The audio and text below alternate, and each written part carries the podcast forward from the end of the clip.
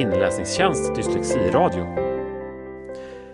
Då var det dags för en ny sändning av Dyslexiradion här från inläsningstjänst.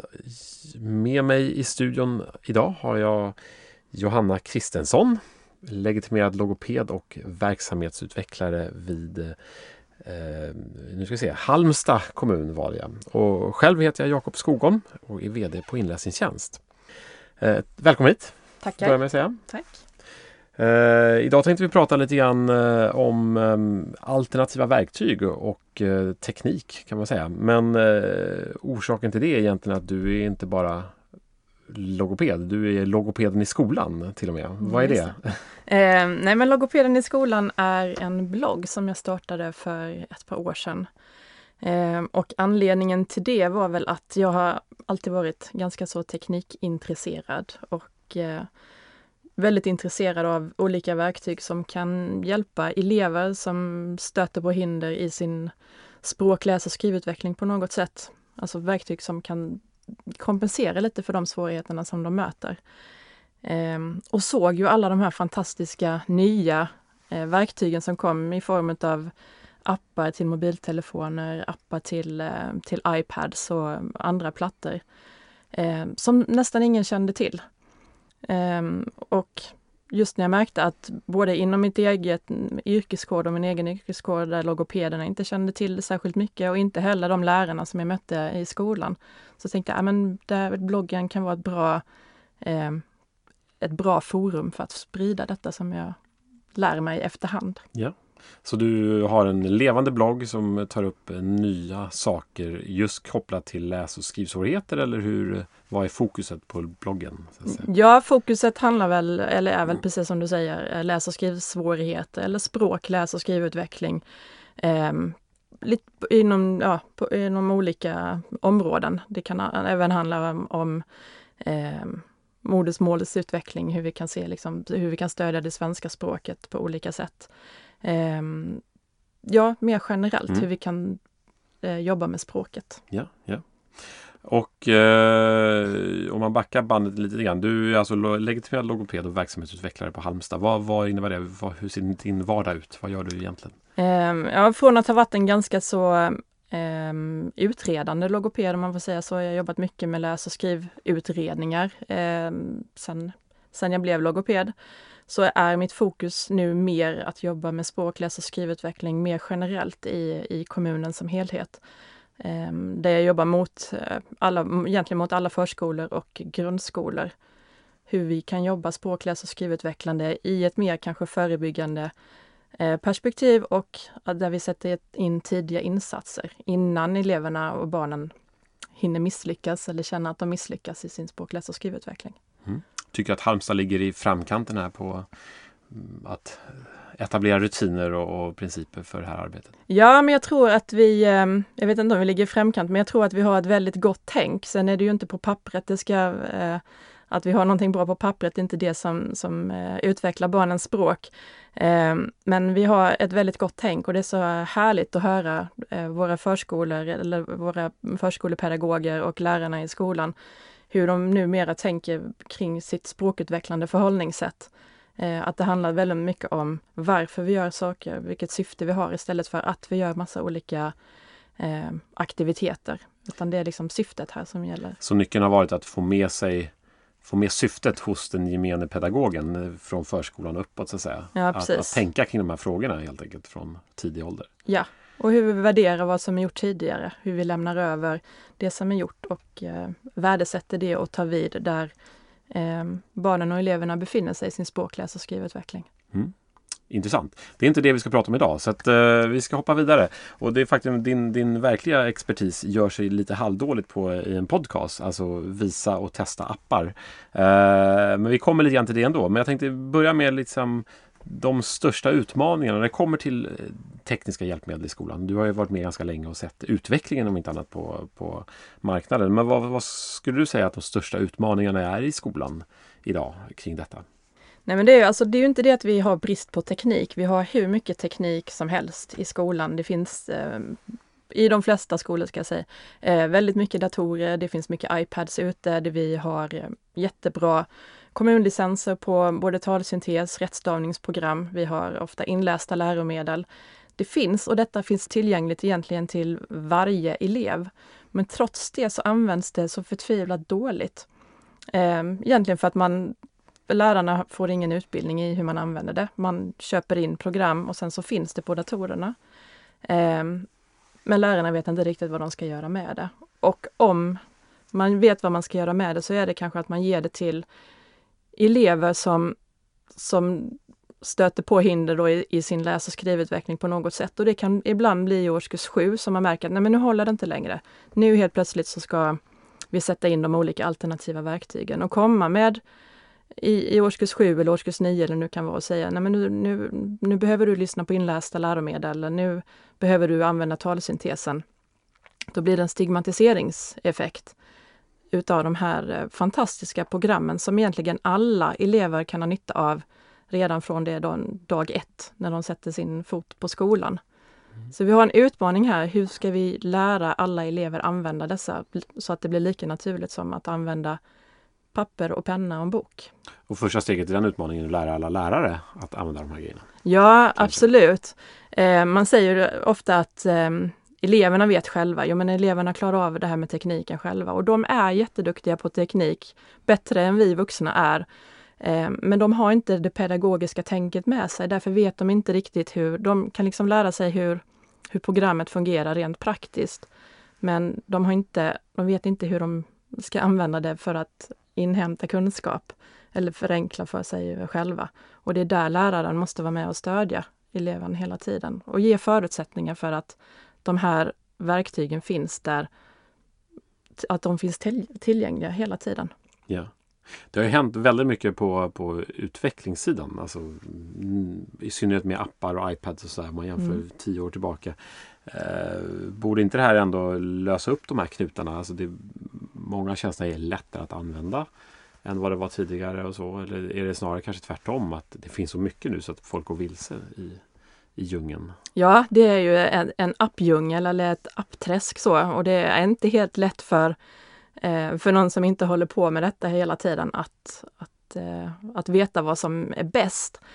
Eh, så är det ju. Men sen tänker jag att vi, det blir ju lite tillgängligare nu när du kan ha dina verktyg i din mobiltelefon och du kan ha dem med dig. Um, och jag tänker att det kanske blir lättare att har du det i din mobiltelefon så, så slipper vi lite att man känner sig utpekat, att du måste mm. sitta vid en speciell dator, du måste sitta och lyssna på en talbok i en speciell Daisy-spelare. Nu kan du ha alla dina verktyg egentligen på fickan. Under förutsättning att du får ha din mobiltelefon med dig i klassrummet ja, också då. Ja. Ett annat bekymmer men det är en annan fråga. Ja. Ehm, intressant, intressant. Om man, om man tittar ändå lite grann, även om det inte går att visa här på, i podden, men om man tittar lite på vad, vad ser du som de mest spännande apparna eller tjänsterna eller möjligheterna som, som finns idag för den här målgruppen? Om du fritt får fundera och reflektera lite grann. Ehm, ja, nej men det finns ju, alltså tekniken är ju, jag, jag som har varit med ett tag då ser ju vilken utveckling som har skett. Och bara de, de funktionerna som finns i en, i en iPad från början innan du har laddat ner en enda app är rätt häftiga.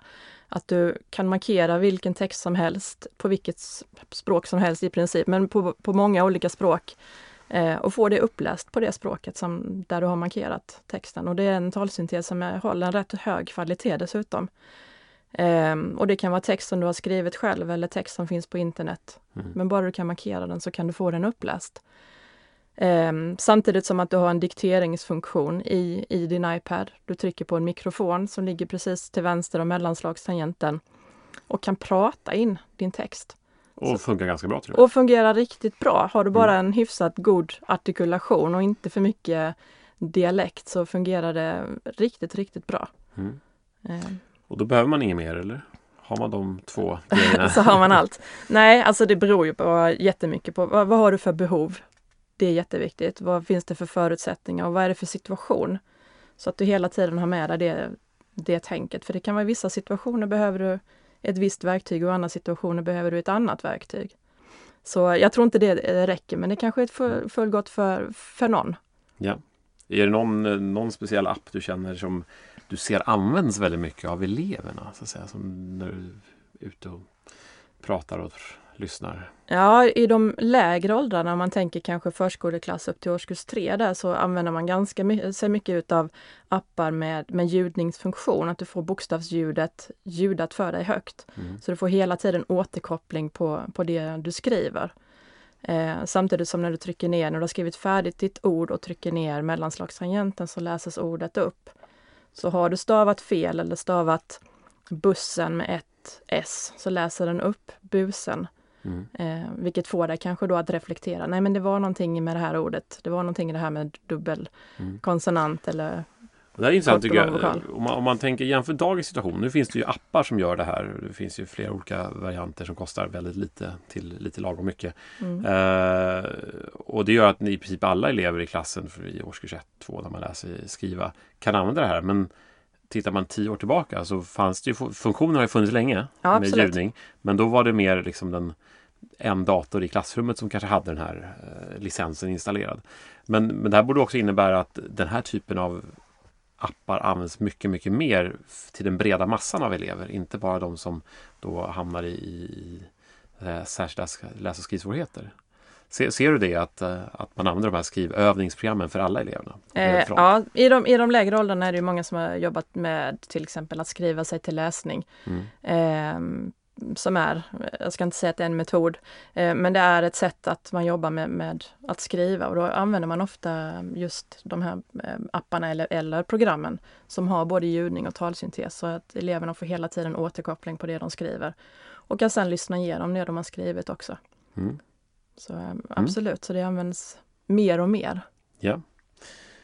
Bra, några andra speciella appar som du vill skicka med? Något nytt? På marknaden? Eh, nej, jag kan nämna en, eh, en ny funktion som finns i, i gratisappen eh, Google Translate eller Google Översätt. Som, eh, just eftersom den är gratis och det är många som tycker det här är en häftig funktion. Det är att det finns möjligheten att ta en, ett kort på en, en text.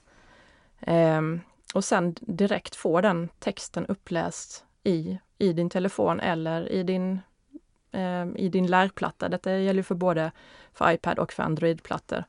Eh, men där liksom möjligheten finns att har du din telefon på fickan och stöter på en text ute någonstans ute i samhället så kan du alltid ta ett foto på texten och direkt få den uppläst. Så mm. kan du inte läsa den så, så finns det talsyntes ja. där. Och till och med gratis då nu? Och till och med mm. gratis då. Så. Det är bra för, för alla som inte ska utveckla dem. eh, vad saknar du då? Om du ska blicka framåt, vad tror du har hänt om fem år? Oh, eh, ja, det var en bra fråga. Eh, nej, jag, jag, tror att det handlar ju nog inte bara om mobiltelefoner och plattor utan det är ju att, att de här olika verktygen ska finnas tillgängliga i vilket, liksom, vilken plattform eleverna än väljer att jobba i. Det är lite, idag kanske det spelar roll att går man in och väljer en, en Chromebook i nuläget så kanske det finns begränsat med, med tillägg till och applikationer till en Chromebook. Men att, att det förhoppningsvis, och även när det gäller Android eh, eh, möjligheter så behöver vi ha in lite mer möjligheter som finns på iPaden än mm. idag. Mm. Men kollar vi om fem år så finns säkert allting där. Så att man ska kunna välja det verktyget som man känner sig bekväm med och inte efter ett specifikt märke bara för mm att där finns verktygen. Ja, och just Chromebooks kommer ju ganska starkt i skolan så det kanske vi har ett litet problem just nu att det finns en begränsad utbud av Ja, men ett litet glapp är det nog men, eh, nej, men det kommer. Det kommer. Det ja, kommer. jag är säker på det. det. Bra. Ja, ja, vad bra. Men eh, då får jag tacka dig för att du ville komma hit. Mm, och eh, upplysa alla våra lyssnare. Du kanske ska ge oss en chans att hitta din sida också. Hur hittar man till din blogg? Eh, man går in på logopeden i skolan som ett ord, .blogspot.com. Ja, man kan säkert googla på logopeden i skolan om man inte kommer ihåg den här ja. adressen. Vad bra, då hoppas jag alla hittar dit. Och är det någon som har några frågor till eh, Johanna här direkt så går det bra att eh, ställa dem i vår Facebookgrupp. Så får ni säkert svar väldigt fort från Johanna. Ehm, tackar för din närvaro. Mm, tack så mycket.